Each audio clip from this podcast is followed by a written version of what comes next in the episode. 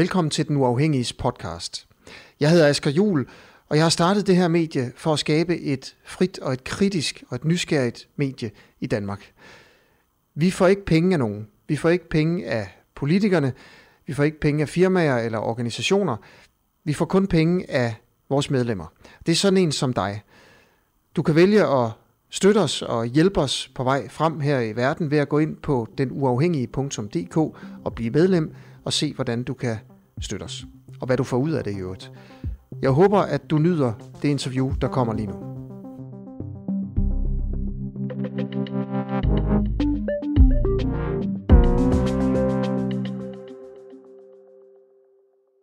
Sådan der, René Dahl Andersen. Velkommen til Den Uafhængige. Tak for det, Asger.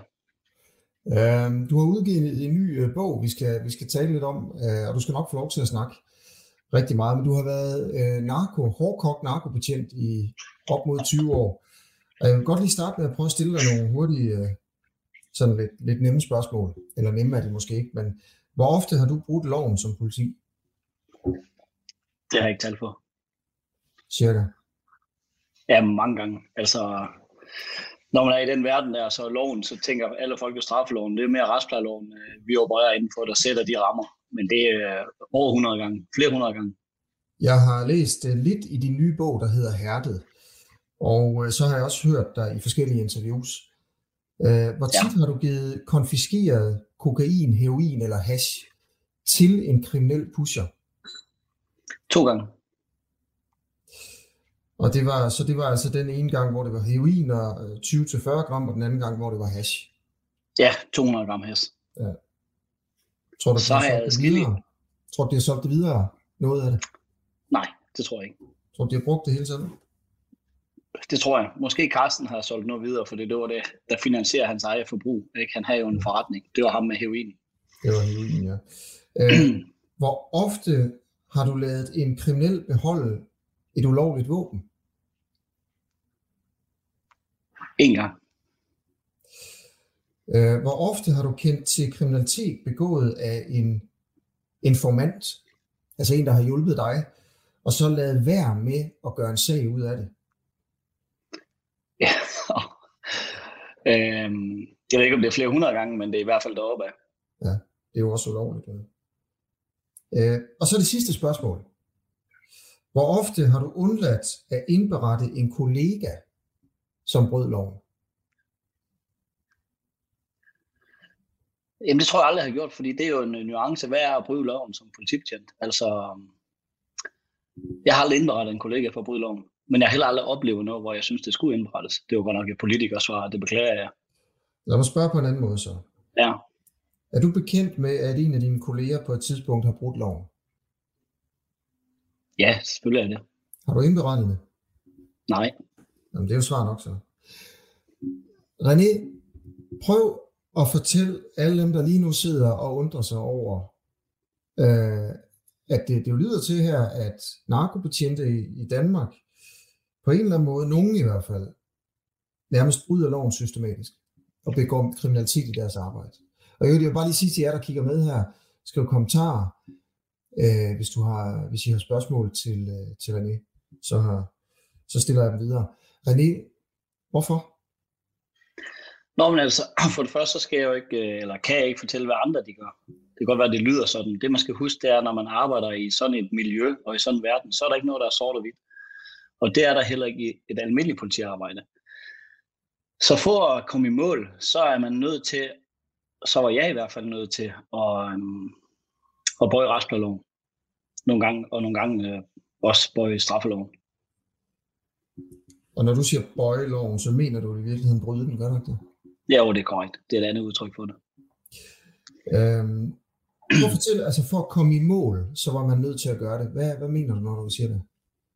Jamen det er, at øh, så mener jeg, at hvis man skal lykkes med at få stillet den øh, gerningsmand, altså i det her tilfælde narkobagmanden, til, øh, til ansvar for det, han laver, så kan systemet godt være så rigidt og så stramt, at vi taber oftest, ikke? Og så blev vi kreative, eller så blev jeg, var jeg med til at blive kreativ for at lykkes. Og det, øh, og det, der er vigtigt for mig at pointere det her, det er, at vi har ikke sat nogen uskyldige i fængsel. Vi har ikke produceret beviser. Vi er bare kommet hurtigere i mål. end man måske ville. Der er en stor forskel i min og i vores verden. Øhm, nu skal vi lige prøve at se her. Jeg vil bare lige præsentere dig ordentligt her. Ikke? Øh, du har altså arbejdet i, som narkobetjent i, i København, øh, indtil du fik et halvt års ubetinget fængsel for at stjæle lamper fra politigården øh, til en værdi af ca. 300.000 kroner. Nu har du så udgivet den bog, der hedder Hærdet, hvor du fortæller din historie. Øh, og det med at tage de der lamper, det er måske det, du fortryder mest i hele dit liv.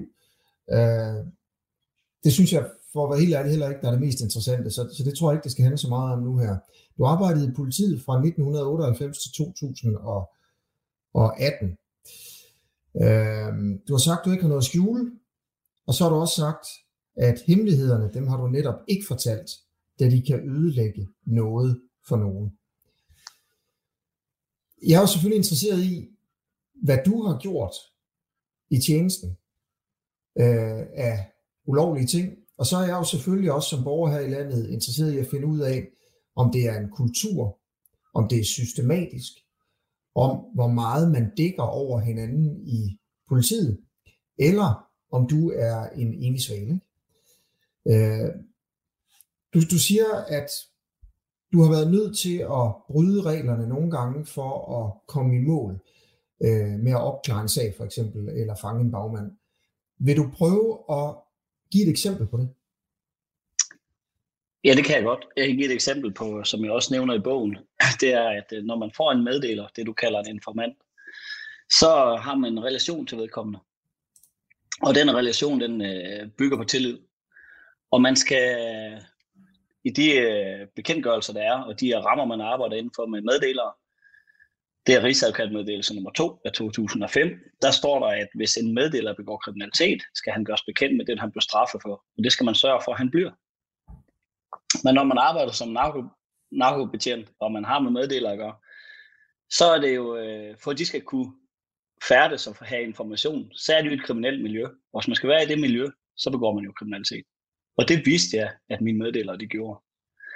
Det kan godt være, at det ikke er alle kildefører, der ved, men det vidste jeg, for jeg havde den tætte relation. Og for, for at komme med et konkret eksempel, som spørger efter, så, øh, så sidder jeg op en meddeler, som var en del af, af bandemiljøet i København og i Danmark. Og han var presset på livet og truet på livet. Og så er man den tætteste relation, man har, eller han har, det er mig, som hans kildefører. Der sidder jeg med en kollega, og så siger han, øh, jeg skulle presse. Og det vidste jeg godt, han var ude for alle efterretninger og alle efterforskninger, der kørte. Og så spørger jeg efter, har du gjort dig nogle overvejelser? Har du tænkt på at rejse ud af landet? Har du tænkt på at trække stikket helt for det her miljø? Øhm, og hvor troet følger dig? Så siger han, til at starte med, så jeg anskaffer mig en 9 mm pistol. Og den ligger ude på bagtrappen, siger han så. og jeg er selvfølgelig ikke så dum, at jeg kører med den, men hvis de kommer, så er jeg klar. Og jeg er ikke i tvivl om, det passer, fordi hans historik var, at han var voldsparat at have været i det her miljø. Og jeg var heller ikke i tvivl om, for jeg kendte ham i en årrække, at det var sådan, at, øh, at det passede det, han sagde. Men jeg havde ikke brug for at gå ud og se den der 9 mm. Så den lagde jeg ligge, netop fordi det er den sikkerhed, jeg kunne give ham. Og jeg vil gerne have de informationer, og systemet vil gerne have de informationer, som han kom med i det her miljø, både i narkokriminalitet og våbenkriminalitet og i drabsager. Så han, øh, der tog jeg en beslutning om, at øh, den får du lov til at beholde. Og så vælger jeg så ikke at gå videre med det til mine overordnede. Fordi så sætter jeg dem i en pressesituation og i et dilemma. Om de skal være lojale over for mig, eller de skal være lojale over for systemet. Og her der tager jeg en beslutning om, at jeg er lojal over for min, min meddeler. Men jeg synes også, at jeg er lojal over for systemet, fordi det er sådan, der kommer jo et outcome i den anden ende. At det er sådan, at øh, han kommer med informationer, så vi kan sætte nogle drabsmænd og narkobarmænd og bandemedlemmer i fængsel. Det er et eksempel. Okay, godt. Lad os prøve, må godt lige prøve at dykke lidt ned i det eksempel. Du siger, at det er en, en kriminel voldsparat mand, som du bliver bekendt med, har en 9 mm pistol gemt på bagtrappen, og så gør du ikke noget ved det. Øh, hvor, altså på bagtrappen, øh, er, det, er det på en offentlig bagtrappe, hvor der kunne løbe børn op og ned? Øh, ved du det? Nu har jeg kendt ham mange år, og jeg er helt sikker på, at det ikke var et sted, hvor der kunne løbe børn op. Men øh, jeg ved jo ikke, hvor den ligger. Men det er altså på et trappeopgang simpelthen? Det tror jeg. Det er som han siger det. Øh, nu siger du, at han, er, han var voldsparat på grund af noget historik. Altså på hvilken måde? Nå, men det vil sige, at han er, han er kendt i politiets register for at have begået vold. Øh, Okay. Og hvad var hans, øh, altså, øh, hvilken form for kriminel var han? det kan jeg ikke fortælle. Men han færdes i bandemiljøet. Okay.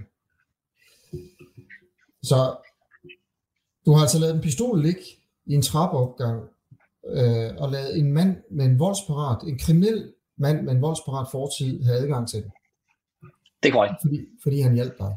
Hvad, altså, hvad, Ja. hvad får vi et samfund?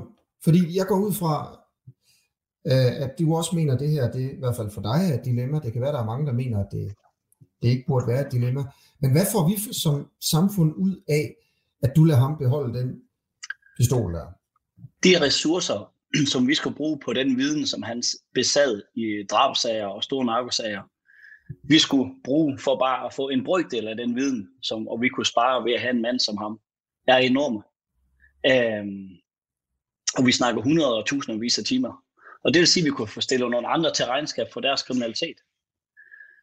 Og det er sådan en beslutning, jeg tager der. Jeg vidste jo godt, at hvis det var sådan, at han endelig skulle komme til, eller jeg havde en idé om, jeg kan jo ikke vide, at hvis han endelig skulle komme til at bruge den pistol, så var det i selvforsvar. Og så selvom jeg får sendt nogen ud og fjerne den pistol, så har han en 8 timer efter, eller 2 timer efter. Så det er jo en vurdering. Så som samfund, der sparer I en masse ressourcer, og I får stillet nogle kriminelle til ansvar, ved at han får lov til at beholde den pistol. Så jeg giver lidt for at få meget. Øhm, lige et par kommentarer her fra, fra folk, der ser med. Øh, Mette er slet ikke overrasket over det her. Øh, og det er jo interessant, fordi øh, det, det rammer ned i, øh, i det her med, om, om, om, om det er bare dig, der har gjort det her, eller hvor mange, der gør sådan noget øh, i politiet, hvor meget vi kan stole på, at vores politi øh, selv overholder loven. Øh, så er der en, der mener, at du er en klaphat. Ja. Ikke? Og han, han siger også. også, at man er, en, man er en klaphat, selvom man står frem. Øh, du, du står kun frem, fordi du blev opdaget. Tag ikke fejl af det. En kommentar til dem, der mener, at du er en klaphat. Nå, men altså, det eneste, jeg kan bede dem om, det er at læse bogen. Og så, øh, når man stikker snuden frem i Danmark, så får man nogen over den, og det er jeg parat til. Og så vil jeg bare håbe, at, øh, at man som samfund kan lære noget af, at der er en, der tør at stå frem, og så sige, hvad der er, der foregår. Og i det, så får de vel tilbage til, at du startede med, det er, at om man kan stole på det danske politi. Nu har jeg arbejdet sammen med politi i hele verden, og rejst i hele verden. Vi har det bedste politi, vi overhovedet kan forestille os. Også i forhold til at kan stole på. Vi skal bare passe på dem, dem der laver det. Mm. Er der en kultur, hvor man dækker hinanden over hinanden i det danske Nej. politikorps? Jeg elsker, du vender tilbage til det. Det kan det være, der var for 20-25 år siden. Den tid er fuldstændig slut. Den sluttede for, i, hver, ja, i hvert fald i forbindelse med reformen, men er, der er kommet en anden generation. Og det er sådan, at hey, vi har en whistleblower-anordning på vores intranet, hvor man kan skrive til hinanden, ligesom i det gamle DDR og til ledelsen. Og i gamle dage, så gik man til hinanden, og jeg siger i gamle dage, så er det 90'erne og starten 0'erne. Hvis man havde et problem med en kollega, så konfronterer man vedkommende, og så sagde, hey, hallo, hvor, hvad har du gang i? I dag, der sætter folk papir i maskinen og starter en anmeldelse. Okay. Så den kultur er, det oplever jeg de sidste 10 år, at øh, Ja. den er ikke eksisterende. Tværtimod, den er udsund på den modsatte måde. Ja. Øh, Man skal turde snakke sammen, når man har du må vide det. Prøv at lad mig lige, du har, begået, du har, du har brudt loven flere hundrede gange, mens Ja. du har været i politiet. Øh, hvor mange øh, gange var der en kollega, der, der, der vidste om det? det var da så godt som hver gang. Okay, og hvor, du, hvor mange gange er du så blevet anmeldt? Den ene gang, hvor det gik galt, men det var sådan en anden form for kriminalitet. Så det vil altså sige, at der, der er hundredvis af gange, hvor kolleger har kendt til, at du har brudt loven, og de har ikke anmeldt det. Det er korrekt. Så, så undrer jeg mig lidt over, at du kan påstå, at der ikke er en kultur over, øh, hvor man dækker over hinanden. Jamen, når, når vi siger anmeldelse, så snakker jeg, i min verden, så er det jo straffeloven. Og jeg ved godt, at vi har retsplejeloven, som er vores spillerregler. Der er stor forskel, eller der er forskel på en retsplejelov og en, en straffelov. Ikke? Og når man arbejder som betjent, øh, så er der altså ikke noget, der er sort og hvidt. Og det ved jeg godt, det skal være ifølge loven. Men det er der ikke. Og det tror jeg, at hvis du kan få alle betjente, der tør at stå frem, så vil de sige det. Øh, Så lad mig prøve at omformulere spørgsmålet. Er der ja. En kultur, hvor politifolk dækker over kolleger, der bryder retsplejeloven? nej, det er der ikke. hvordan kan du sige det? Og så samtidig sige, at, at kolleger har vidst om, at du gjorde det hundredvis af gange, og aldrig gjorde den sag. Ja. Jamen, hvordan kan jeg sige det? Det er, at øh, der er mange former for politi. Altså mange former for betjente. Og det miljø, jeg arbejdede i næsten hele mit liv, i de 16 år, med, det var narkotika på gadeplan. Der dækker man ikke over hinanden. Men man er parat til at bøje retsplejeloven. Det var jeg i hvert fald. Preben vil gerne øh, vide, hvorfor du står frem med alt det her. Hvad er din hensigt? Jamen Preben, øh, prøv at høre, det gik galt for mig for, i 2016, når jeg blev suspenderet. Og hvor jeg har arbejdet i det her grænseland, i, siden jeg startede i politiet i 98.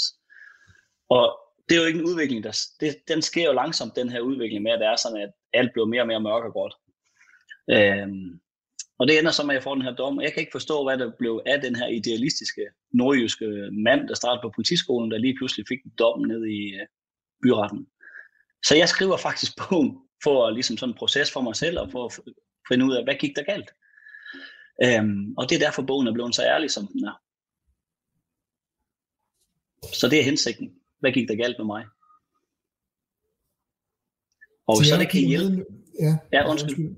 Og så det kan hjælpe nogle kommende politifolk, eller nogle nuværende politifolk, eller systemet, med at enten at stramme op, eller supervisere de folk, der er i det, og tage hånd om politifolk. Fordi det at være politibetjent, det er, det er ikke et arbejde for os, der laver det. Fordi så gjorde vi det ikke, for det er altså ikke for lønnen. Det er fordi, man gerne vil gøre en forskel. Og så er der nogen, der skal passe på en, når man laver det.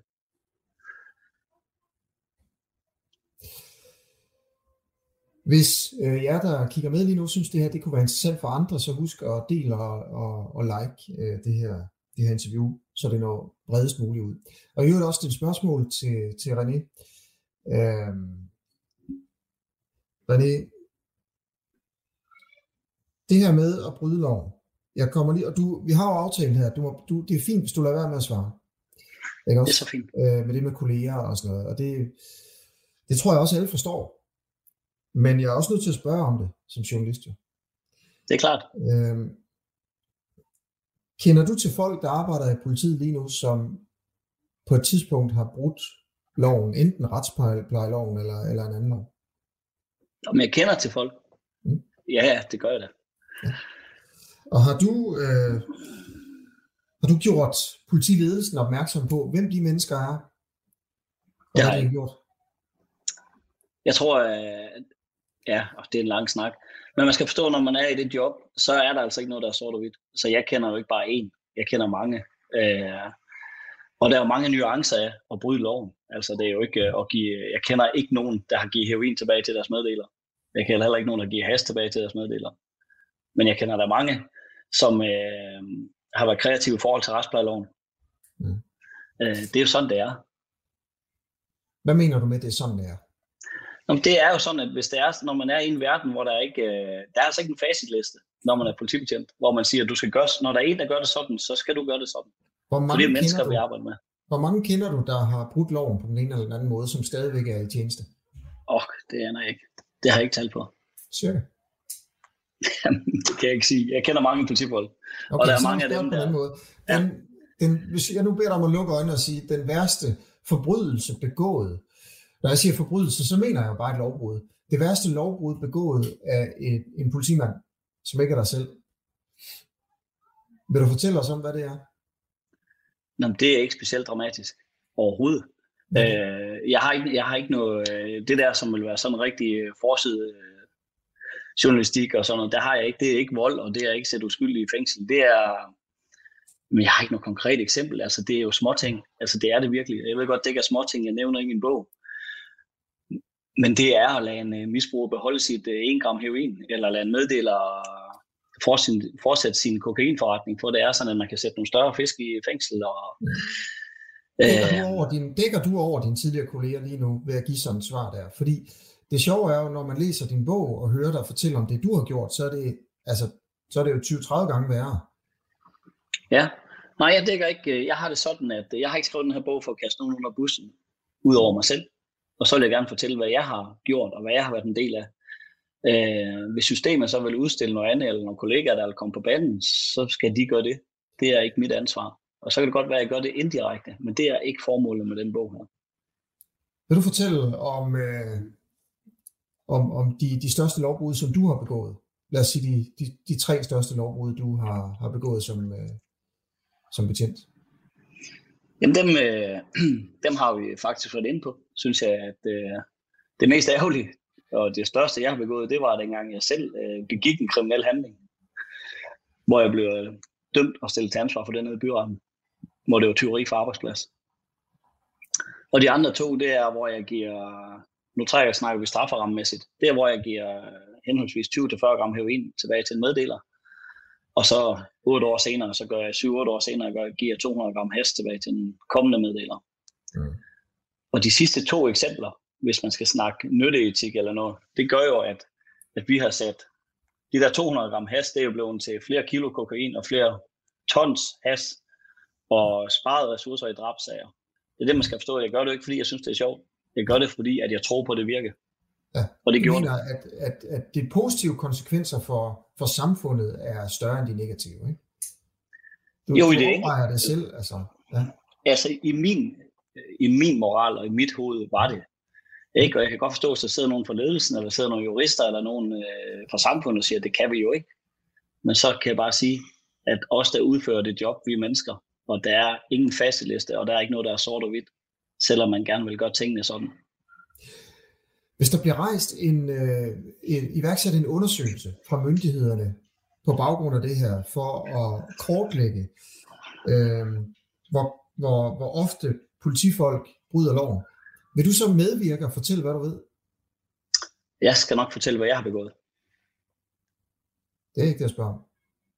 Jamen, jeg kommer ikke til at medvirke imod nogle kollegaer, fordi der er ikke nogen af dem, der har begået noget, som jeg synes er så gralt, at de, at de skal stilles offentligt til ansvar mm. eller straffes for det. Mm. Øhm, jeg mener også, du har været med til at lyve øh, over for nogle, øh, nogle chefer om, at I skulle have en dusør udbetalt, så I kunne, øh, så I kunne bruge pengene på overvågningsudstyr, som I ikke ville øh, kunne få bevilget.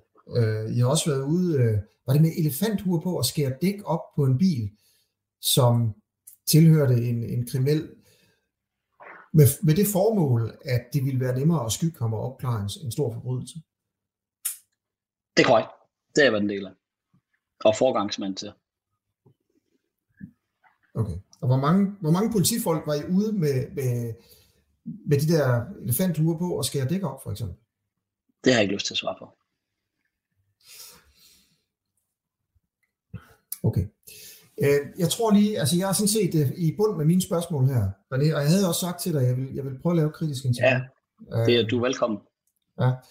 Øh, der er en, der spørger her, brydes loven også i andre områder af politiet end på narkoområdet? Jamen det, nu skal vi definere igen, hvad loven er. Altså, det kan jeg ikke vide, for jeg er ikke i andre områder, eller har været. Men øh, jeg kan svare sådan her, hvor jeg siger, at en politimand er et menneske, som enten kan begå en fejl, og stå i nogle situationer, hvor de selv skal tage en menneskelig beslutning. Det er sådan, jeg kan svare. Okay, så, så er det er jeg med på, men hvis vi nu siger, spørgsmålet er jo sådan set, bliver loven brudt i andre områder end, end på narkoområdet? Er dit svar så, det ved du ikke, fordi... Det ved jeg ikke. Okay. Uh, to sekunder der. Bom, bom, bom. Jeg læser bare lige kommentarer her, René. Nu er det ikke det så fint, så der må godt være en lille pause. Uh, der er simpelthen bare en kommentar her.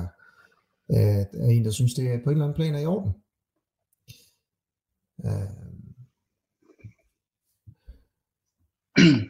Han er en fornuftig fyr, ham der Richard. Ja, hvorfor?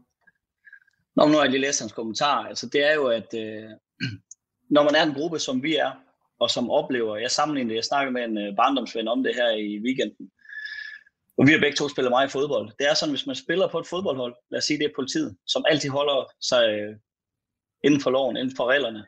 Og så dem, man spiller imod, de spiller som nogle svin. Og ingen regler har. Og man har en dommer, der lader dem spille sådan. Eller der ikke har ressourcerne til at have overskud til at slå ned og give dem karantæne. Så på et tidspunkt, så får, så får det hold der, der spiller efter reglerne nok. Og så vil vi have, at de skal stilles, ansvar, stilles til, regnskab. Vi vil også vinde. Og når jeg siger, at øh, når man siger, at man må lave loven, det er simpelthen fordi, vi mangler ressourcer. Og når vi skærer de der dæk op, og vi løg i den der rapport for at få den GPS, så var det jo fordi, at vi mangler ressourcerne til at købe GPS'en i begge tilfælde. I det ene tilfælde havde vi ingen, i det andet tilfælde kunne vi kun få en. Og så måtte vi komme i mål ved at være kreative. Og det, det gjorde vi. Vi kom i mål. Vil du gerne have, at man afkriminaliserede narkotika i Danmark? Det har jeg lige haft en lang debat om. Øh, jeg synes i hvert fald, det er noget, man skal se på. Og når jeg siger det, så er det fordi, at dem, vi skal passe på, det er de laveste i samfundet, altså misbrugerne og dem, der bor på gaden. De har det virkelig hårdt. Og det er jo ikke dem, jeg har været med til at være efter. Tværtimod, det er dem, der leverer til dem. Mm. Og hvis man afkriminaliserer narkotika for, for brugerne, for nogle af brugerne, så skal man, øh, så vil man spare en masse ressourcer på den følgekriminalitet, der er omkring narkotika. Men man slår jo ikke bagmændene ihjel. Så den ressource, de ressourcer, man sparer på ved at afkriminalisere den på det, på det lave plan, synes jeg, man skal bruge til at slå hårdt ned på dem, der stadigvæk er der. Ja. Øh, og de har jo gode resultater i Portugal. Men, men du ved, det var lidt et politikersvar på det. Ja, øh, men det er fordi, det er... Det. Altså, hvad betyder det? Hvis du, kan du, du behøver ikke komme med et klart svar, men, men har du en klar holdning til det? Skal man afkriminalisere det i Danmark, eller skal man ikke? Altså prøv at man skal ikke gøre heroin og kokain lovligt i Danmark. Øh, men man skal give de der brugere, der, har en, øh, der er så dybt afhængige af det, og nu er det især heroin, jeg snakker om, adgang til ordentlige øh, forhold og ordentlige stoffer, hvis det er sådan, at det, og så skal man igennem en proces med læger, der, der godkender det og udsteder det. Øh, altså jeg synes, det er så sjov en debat, fordi i samfundet lige nu, når jeg går ned i Føtex, nu ryger jeg ikke, det har jeg hverken råd eller lyst til, men så har vi gennem cigaretterne og håndkøbsmedicinen væk, bag sorte forhæng, ikke? Og nu sidder vi her og diskuterer, om vi skal frigive heroin og kokain. Det er jo, hvad er det for... Der er nogle ting, der ikke hænger sammen. Mm. Øhm, man kan også, når man læser i din bog, jeg, nu har jeg ikke læst den hele, men jeg har læst noget af det, at, at ja. man kan simpelthen mærke, at du har rigtig ondt af, af de narkomaner, du, du møder på gaden. Det er jo de rigtige offer. Det er jo, fordi de har jo en sygdom, ikke? Og, og den er der altså nogen i Danmark eller i hele verden, der udnytter til ren øh, profit. Mette vil gerne spørge, om I i politiet på noget tidspunkt har solgt det narko, I har beslaglagt? Nej. Det fungerer sådan, at øh, når man beslaglægger noget, noget narkotika, has, heroin, kokain, så skriver man det ind i systemet, og så bliver det afleveret på et kosterkontor, og så bliver det simpelthen brændt og destrueret. Og det er der nogle folk, der overvejer den proces hele vejen. Mm. Ja. Så er der selvfølgelig lige det, det, som du har givet tilbage til nogle pusher, øh, som har hjulpet dig med at opklare sager. To gange har du gjort det, for eksempel 20-40 gram heroin og for 10.000 kroner cirka hash. Nogle af dem, du gav de ting til, ja. har de nogensinde brugt det som en klemme mod dig? Nej, nej. Ja. Og, nej, tværtimod. Øh, når man er kildefører, som det hedder, når man har en meddeler, som så hedder en kilde, så er det jo ikke de der metoder, der gør, at man er en dygtig kildefører, eller at man, øh, man har resultater. Det er simpelthen, at man er til stede, og de kan mærke en som menneske. De to gange, jeg var med til det, den ene gang er det mig, der er primus motor. Det er det med Hassen, som er 8 år efter. Mm. Det er fordi, jeg ved, lige i det ene tilfælde, kunne jeg mærke, det var det, jeg troede, der skulle til for at få ham ombord. Mm. Og jeg har aldrig nogensinde blevet afpresset af nogle kilder. Det er klart, at, at de forsøger at afveje, når man har en samtale med dem, om de kan lede ud, hvor, hvor er, Københavns politi lige nu en efterforskningsmæssigt. Men det er jo ikke noget, man deler med dem. Okay. Tværtimod. Okay. Fordi man kunne godt forestille sig, at de kunne have en klemme på dig, når du på den måde har forsynet dem med, med narkotika. Ikke? Men altså, ja. øh, så spørger Gitte, øh, det er bare en kommentar om, at hun synes, du har gjort det godt. Tak, Gitte. Øh, det synes så, jeg også selv. Ja, jeg ved det. Du fortryder faktisk ikke det her. Du fortryder det med lamperne. Du, du stjæler det er det eneste, jeg fortryder. lamper fra politigården.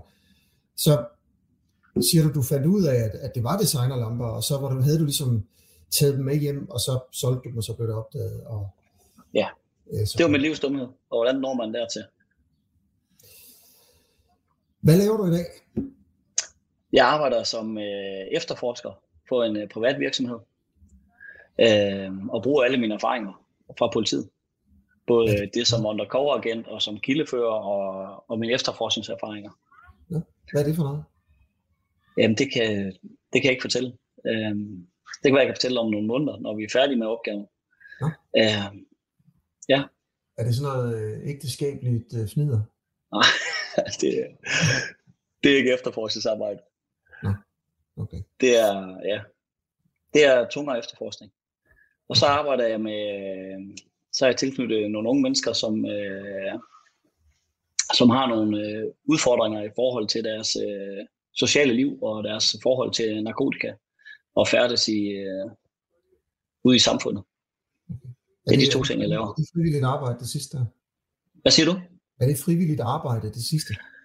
Nej, det er det ikke. Jeg er tilknyttet øh, nogle steder, som har sådan nogle mennesker, og det ene af dem er, er en vens, et familie til en ven. Øhm, og det er givende på en helt anden måde. Og det minder faktisk, det giver mig mere, end at være privat efterforsker som menneske. Øhm, og det var derfor, jeg blev politimand. Det var fordi, jeg ville gøre en forskel. Mm. Okay. René Dahl Andersen. Jeg Ja, tror, det var det. Ja, tak. Ja. Tak fordi I Øh, ville være med. Ja, men jeg, jeg, jeg tror, at øh, rigtig mange synes, at det her det er vildt interessant. Og øh, på en eller anden måde kommer man jo lidt... Det er altid interessant at komme med ind i en lukket verden. Ikke? Og så, Så jeg vil sige, ja, må sige verden til det? din, hvor der har så meget magt. Øh, og, og altså jo... Altså, hvem tjekker jer? Ikke? Ja, for er du sindssyg. Det gør den uafhængige politiklagemyndighed og alle jer. At der er ikke nogen, der bliver tjekket mere end politiet. Det er derfor, vi har så godt et politi, som vi har i Danmark. Øh, og husk nu, at dem, der passer det, det er mennesker. Og så vil jeg sige øh, en enkelt ting, jeg godt vil have lov til at sige. Og jeg ved, at nu når man stikker snuden frem, som jeg har gjort, så er der en masse, der har en holdning, og det kan jeg godt lide. Det er et frit land. Men inden man bliver for skarp i sine holdninger, så læs lige bogen. René Dahl Andersen, tak for det. Tak for det, Asger. Ha' det godt. Det var så lidt, du. Og Hej. så siger jeg også bare tusind tak til, til alle jer, øh, som har set med her, og øh, rigtig mange gode kommentarer i dag. Det er jeg vildt glad for. Jeg er også øh, rigtig glad for, at jeg fik øh, læst mange af dem op og fået dem, øh, fik dem på skærmen. God påske hernede fra Nysted i Lolland, hvor jeg er taget ned og, og skal holde påske her. Og så husk, at vi starter morgenradio. Vi kommer til at lave kritisk morgenradio, interviews, kun snak og tale hver morgen, hver dag fra klokken 7 af. Og det starter vi med her midt i april. Øh, når jeg siger vi, så er det mig og en hel bunke af, af frivillige folk, øh, som er med til det her. Vi får ikke støtte fra nogen som helst. Vi får kun øh, penge fra øh, vores medlemmer, altså medlemmer af den, øh, den uafhængige, som jeg også selv er. Og det kan man blive ved at gå ind på vores hjemmeside og så støtte op om det. Øh, nu satser vi hele butikken, og så laver vi morgenradio, og hvis, hvis vi ikke får nok medlemmer, sådan rimelig hurtigt, så er vi selvfølgelig nødt til at lukke det igen. Øh, så vi satser, og derfor håber jeg egentlig også, at hvis du synes, at det her det er et, et vigtigt, interessant, sjovt, spændende medie, et, et fedt eksperiment på en eller anden måde, så gå ind, bliv medlem, opfordre andre til at blive medlemmer af den uafhængige. Det er meget nemt, det er bare lige inde på hjemmesiden, og så øh, kan man øh, skrive sig op med MobilePay. Det, det koster meget, meget lidt om, øh, om måneden. Tak for det.